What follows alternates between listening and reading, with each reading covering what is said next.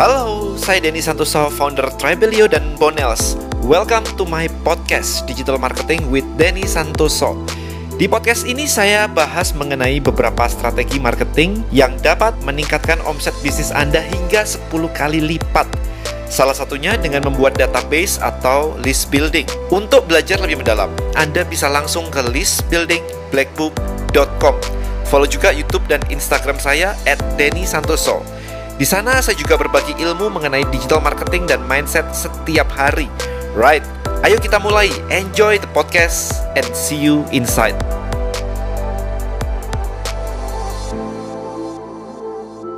Alright guys, ini ada yang cukup menarik nih. Um, kita sering berdiskusi tentang gimana caranya riset market kan. Nah, sebenarnya riset market itu bukan cuman untuk mencari produk apa untuk dijual. Tetapi sebenarnya lebih dalam daripada itu adalah riset market digunakan, dilakukan untuk mencari story apa untuk menjual. People buy on story. Jadi story selling sekarang. Karena ini saya eh, kebetulan ketemu sebuah case tadi yang cukup menarik ya. Saya lagi browsing-browsing nih di liputan 6 ini ada yang cukup viral ya. you know, ada viral tampah jadi dekorasi ruangan dijual 4 juta rupiah, banjir komentar netizen. So tampah, tahu ya. Ini biasa kalau dijual di pasar tuh kayak 15 ribu, 20 eh, ribu, 30 ah, ribu maksimum. Dan ini dijual 4 juta. So kalau dari 40 ribu ke 4 juta, itu naik 100 kali lipat lebih mahal. So what is the difference? Bedanya adalah story-nya, target marketnya, penempatannya dia sendiri ini berbeda. The story is different gitu. Jadi ceritanya yang berbeda. Produknya sama. Ya kan? Produk itu nomor sekian kok. Produknya ya gitu-gitu aja. Mau apa lagi? Nah, banyak dari kita itu mikirnya produk dulu bahkan. Sementara ketika saya mengajarkan di list building mastery, itu find your target market presisi supaya kita tahu apa yang dicari mereka untuk menentukan produk. Setelah Anda menemukan produknya, story apa sih yang bisa Anda create sehingga orang itu mau bayar mahal? Kalau misalkan saya bilang ballpoint, ini kebetulan ini Apple Pencil ya. Kalau di ballpoint begitu. Ballpoint harga berapa sih? 50 ribu dapat lah ya 50 ribu ballpoint gitu. Tapi kalau ini adalah ballpoint yang digunakan presiden kita untuk tanda tangan deklarasi kemerdekaan Indonesia, suddenly harganya nggak ada harganya langsung. Like kayak benda bersejarah gitu. So, what is the story? Bahkan Anda belum ngecek nih, tapi di kepala Anda langsung pup, wah kalau gitu harganya eh, langsung kayak begitu. So kita nggak usah ngomong barangnya dulu, kita ngomong story-nya untuk membuat orang itu wow, oke, okay. wow efeknya di create by story. So apa yang menjadi story yang bisa anda dapatkan? Makanya anda harus selalu melakukan riset, kemudian anda bisa mencari tahu orang mau membayar mahal itu di titik mana. Apakah orang, apakah target market anda itu mencari functional? Apakah target market anda ini mencari emotional? Atau uh, target market Anda mencari barang kolektor kayak tadi. Oke, okay, jadi ketika Anda tahu, maka Anda bisa bercerita. Kalau Anda cuma bilang, let's say ini adalah ballpoint yang digunakan untuk uh, presiden kita untuk deklarasi kemerdekaan, dan ketika Anda menjual ini cuma mengatakan ini ballpoint, maka itu menurunkan value hanya dari story. Kalau function sama aja main ballpoint ya ballpoint gitu kan dipakai ya sudah, tapi story-nya membuat itu bisa naik atau itu bisa turun. Nah sekarang Gimana caranya Anda mencari story-nya? Yang pertama adalah Anda udah tahu, Anda pasti harus menemukan dulu siapa marketnya, target market. Ini udah clear. Nah, kemudian mereka nge-value apa nih? Apakah mereka itu nge-value tadi yang saya bilang function? Apakah mereka itu nge-value emotional? Apakah mereka nge-value brand? Apa pun itu sih sebenarnya. Ini faktor-faktor yang random aja muncul kepala saya sih. Atau Let's say kenapa kenapa kita pakai endorse? Karena kita nggak value orangnya. Orang yang pakai si A si A aja pakai lo produk saya, gitu kan? Si I, si B itu pakai lo produk saya, si artis ini pakai lo produk saya. So nge-value orangnya. Kalau orang terkenal pakai, maka value-nya akan naik. Tapi kalau nggak ada yang pakai, orang terkenal nggak ada yang pakai, maka value-nya akan turun. Ada brand yang dipakai hanya kalangan artis misalkan. Itu create story. Maka untuk meng-create story kayak begitu, Anda harus mengendorse para artis, mendapatkan fotonya semua. Tiba-tiba Anda punya foto, video 10 artis pakai produk Anda. Tiba-tiba produk Anda jadi naik kelasnya kan? Karena apa? Karena 10 artis terkenal pakai produk Anda. Meskipun Anda kasih gratis. But that's how you create the story untuk meningkatkan value produk Anda. Nah, ini harus dilakukan sebuah riset. banyak orang yang tidak mau ketemu marketnya kan sayang banget ya. Padahal ini untuk mencari functionnya kah, emosionalnya kah, atau brandnya kah, atau orangnya itu Anda harus ketemu. Kemudian mencari tahu. Rata-rata masyarakat pada umumnya kelas menengah ke bawah itu value di artis juga ngefek banget. Fungsinya sama aja, tapi kalau dipakai si A, wah langsung deh booming. Makanya Anda lihat sekarang di TV-TV itu juga pakai artis mengendorse Anas ini. Bukan fungsinya saja, tapi artisnya yang pakai. Nah, itu yang dicari. Maka tugas Anda nih sekarang nih. Anda harus mencari sebuah story yang bisa Anda kemas bersama dengan produk Anda.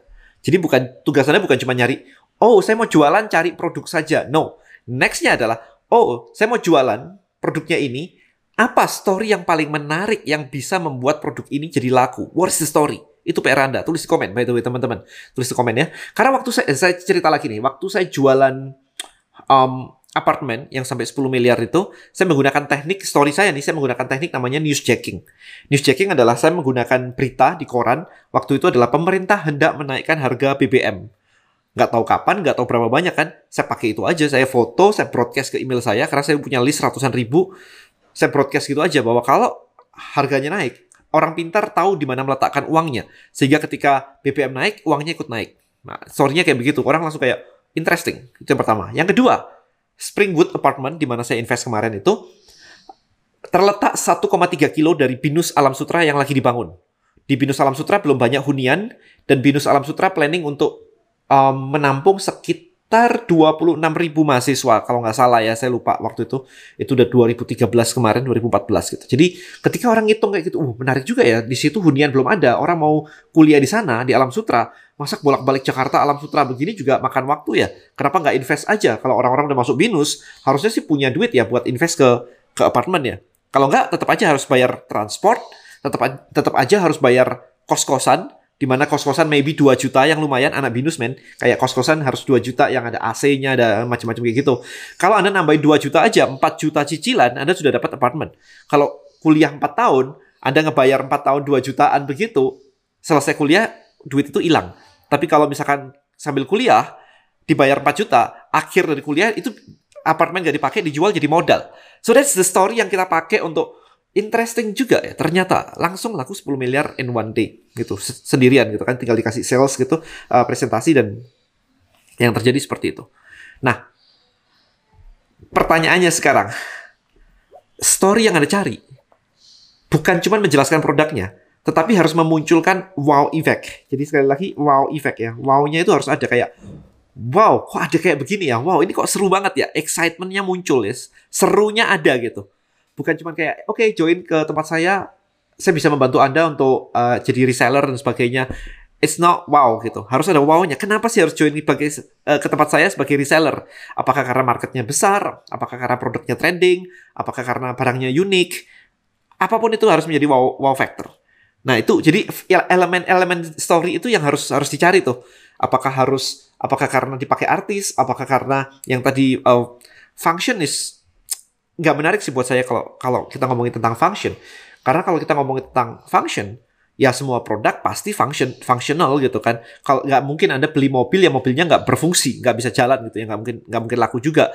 Jadi kalau kita ngomongin function, pasti semua barang mendeliver fungsinya. Kalau anda beli gunting ya pasti bisa motong. Nggak ada namanya beli gunting terus guntingnya nggak bisa motong.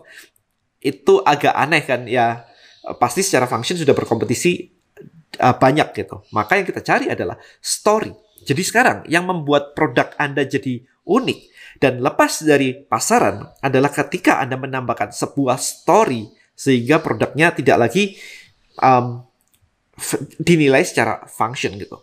Ya, kita tadi tahu sendiri ya bahwa tampah gitu bisa jadi kayak gitu yang harganya 20 ribu, 30 ribu bisa jadi 4 juta naik 100 kali lebih gitu 100 150 kali lebih lebih mahal gitu kan which is amazing banget hampir 200 kali lipat lipat lebih mahal secara function sama aja Cuman mengubah target market dan story. Maka banyak orang bilang bahwa kalau kamu apa um, distributor produk itu nggak bisa ngapa-ngapain, produk nggak bisa diubah. Ya kalau nggak ngerti memang nggak bisa diubah. Kalau kurang kreatif memang nggak bisa diubah. But if you know this strategi, story ini powerful kan. Saya menjual tiket nonton ditambah mastermind dinner jadi dari 60 ribu jadi 1,8 juta berapa kali lipat itu? Uh, 30 kali lipat. Bisa kok. Gak ada masalah. Tampah tadi jadi dari 20 ribu jadi 4 juta Bisa kok. Tinggal Anda mau atau enggak. Kalau Anda menganggap bahwa ini semua, ah nggak bisa lah, saya cuma reseller, saya cuma produknya ini aja, ya sudah, selesai. Oke, saya tambahkan satu story lagi yang mungkin bisa membantu Anda di sini. Um, kemarin saya pernah ngobrol dengan teman yang jualan alat sulap. Alat sulap itu nggak terlalu menarik hari ini karena triknya udah banyak di YouTube. Eranya bukan era The Master kayak tahun 2007-2008. Udah 14 tahun yang lalu, men. Itu kayak wow, amazing ya. Waktu time flies. Um, saya kemarin bilang bahwa, oh oke, okay, kenapa nggak diubah aja target marketnya? Bukan orang-orang atau anak muda-anak muda yang pengen pamer sulap lagi. Maybe masih ada komunitasnya, tapi nggak gede, nggak segede dulu gitu. Um, maybe target marketnya adalah young parent, papa-papa muda yang pengen menciptakan quality time with the kids anaknya yang masih kayak tiga tahun, empat tahun, yang kalau dikasih sulap kayak begitu koin menghilang lah, apalagi begitu tak masih seru banget, excited, excited banget. Di mana orang tuanya biasanya sibuk kerja, jadi ketika pengen uh, punya quality time with the kids, ya udah pakai cara kayak begitu aja. Nah, dengan cara kayak begitu, otomatis kita bisa meningkatkan value dari produknya sendiri. Orang udah nggak nyari kayak banding-bandingan harga termurah untuk itu. No, yang dipikirin adalah, ah cuman segitu, cuma lima ribu, cuman cuma seratus ribu, ya udahlah. Untuk membahagiakan anak, untuk dapetin momen terbaik with, with the kids gitu. Nah, jadi beda kan? Tampah tadi juga biasa dijual ke ibu-ibu, ini dijual sebagai dekor ruangan dengan harga 200 kali lipat lebih mahal. So, barangnya sama teman-teman nggak diubah apa-apa, functionnya nggak di, di, di, ditambah apa pun, functionnya sama, exactly the same function. Diubah target marketnya, diubah story-nya. Story-nya jadi membuat target marketnya jadi, oke, okay, this is something new. Target marketnya jadi tertarik karena story-nya, sehingga akhirnya harganya jadi ikutan naik. So fully dari sini Anda juga bisa lepas perang, lepas dari perang harga ketika Anda bisa mencari kayak begini. Orang nggak bilang kok, ya, ya saya nggak mau beli 4 juta kayak begini, beli aja di pasar gitu nggak juga tuh ke, uh, buktinya laku-laku aja tuh sampai viral kayak begitu. So market is dynamic guys.